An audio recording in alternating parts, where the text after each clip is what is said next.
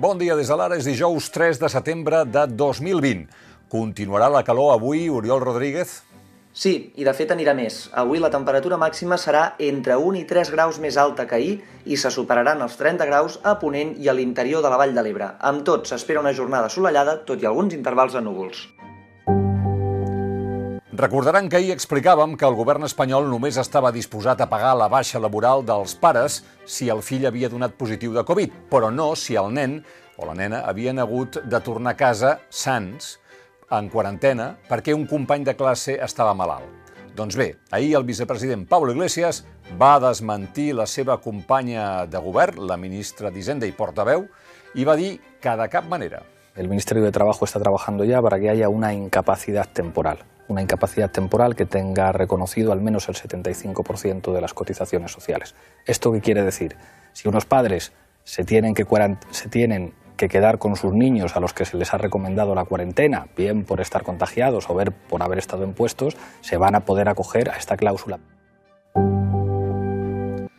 Tres qüestions de política a Catalunya. Oriol Junqueras ha qüestionat obertament la via de la confrontació intel·ligent de què va parlar Carles Puigdemont, confrontació intel·ligent contra l'Estat. Diu Junqueras, si iniciem una confrontació amb l'Estat en les condicions actuals anirem a perdre i nosaltres el que volem és guanyar, ho va dir Europa Press. Si volem resultats eh, diferents, haurem de preparar-nos millor.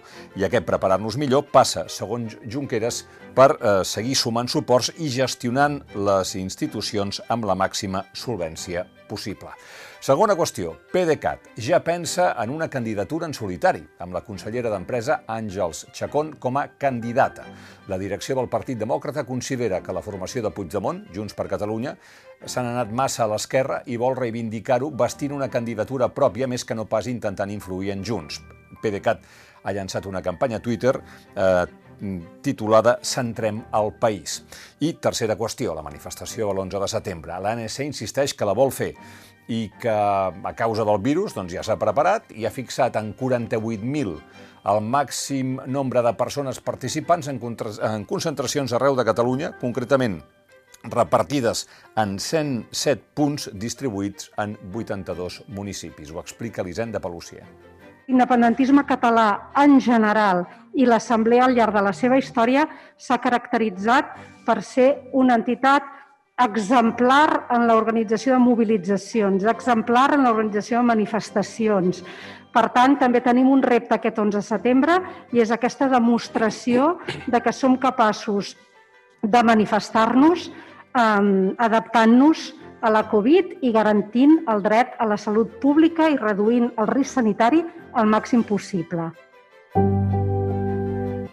Avui continuarà la ronda de reunions del govern espanyol amb els partits, inclosos els catalans, per demanar suport als pressupostos. Ahir es van veure el president eh, i el cap de l'oposició espanyols, Sánchez i Casado, i com era de preveure, van acabar sense acord.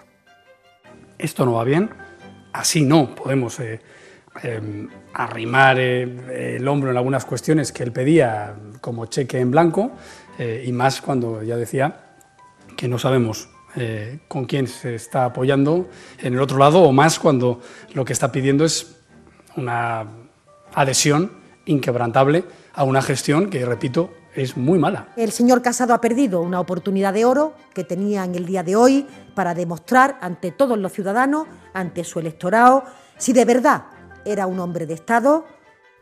I parlant de l'Estat, la residència d'estiu dels Franco el Pazo de Meiràs, a Corunya, ja no és de la família Franco, sinó de l'Estat. Han hagut de passar 44 anys des de la mort del dictador, però la Junta Pro d'Evolució del Pazo de Meiràs no ha deixat mai de batallar perquè la família Franco eh, tornés una finca que considerava que va ser espoliada i ara un jutge els ha donat la raó. Vaja, una jutge que ha sentenciat que la suposada compra-venda que es va fer al maig de 1941 i amb la qual el dictador va aconseguir inscriure el Pazo de Meiràs al seu nom, va ser una simulació i, per tant, conclou que la compra-venda és nula.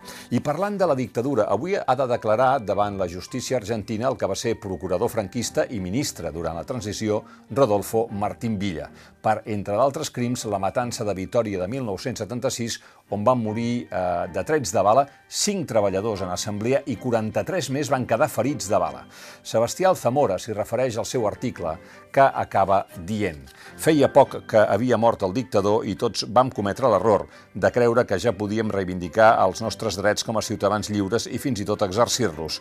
És raonable preguntar-nos si encara avui no cometem aquest mateix error. I és interessant comprovar que una de les notícies del món té a veure amb això que diu del Zamora de les dictadures. La cancellera alemanya Angela Merkel va confirmar ahir personalment que el líder opositor rus Alexei Navalny va ser enverinat amb un agent neurotòxic que es diu Novichok, Navalny continua en estat de coma a l'Hospital de la Caritat de Berlín i el Novichok és un, accent, és un agent de producció soviètica que afecta seriosament el sistema motor i que pot resultar mortífer. La cancellera Merkel es va mostrar categòrica quan va conèixer els resultats de les proves. Ara està clar Navalny va ser eh, enverinat, volien silenciar-lo, va ser víctima d'un crim i això planteja greus preguntes, diu Merkel, que només el govern rus pot i ha de respondre. I en aquest sentit, a l'ara publiquem un article de Nadia Tolokonnikova, fundadora de la banda Pussy Riot, titulat No em puc creure en què s'ha convertit la meva vida a la Rússia de Putin. Explica que la deriva autoritària de la naixent democràcia russa va passar a poc a poc, amb accions petites, que cadascuna podia semblar benigna d'entrada, potser dolenta però no letal. T'enfadaves, diu, potser em manifestaves, però continuaves amb la teva vida. La promesa de la nostra democràcia s'anava esmiculant a poc a poc. Nomenaments de corruptes, aprovació d'ordres presidencials, falsejament de vots, passava lentament de manera intermitent. Tan lentament que de vegades no veiem que era ininterrompudament. L'autocràcia entrava d'amagat com la covarda que és. Un apunt preocupant de societat, les ocupacions de pisos. L'any 2019 es van doblar els casos per ocupacions, però és que aquest any ja hi ha 20 denúncies diàries. I per això el Col·legi d'Advocats de Barcelona va proposar una reforma legislativa que presentarà als partits polítics i que permetria que, si en les primeres 48 hores no es pot acreditar cap relació de l'ocupant denunciant amb l'immoble, la policia el pugui desallotjar. I en un altre món, en el planeta futbol, el pare de Leo Messi es va reunir amb Josep Maria Bartomeu. La reunió va durar 90 minuts, va ser cordial, es va fer a les oficines del Camp Nou de 7 de la tarda a dos quarts de 9 del vespre i ningú no es va moure ni un centímetre de la seva posició. Jorge Messi, acompanyat d'un advocat, li va dir a Bartomeu que el seu fill vol marxar i el president del Barça li va traslladar que el davanter no està en venda, que només negociaran una renovació per dos anys i els va demanar que el capità faci el favor d'anar als entrenaments de Ronald Koeman. Jorge Messi li va replicar que la justícia els donaria la raó.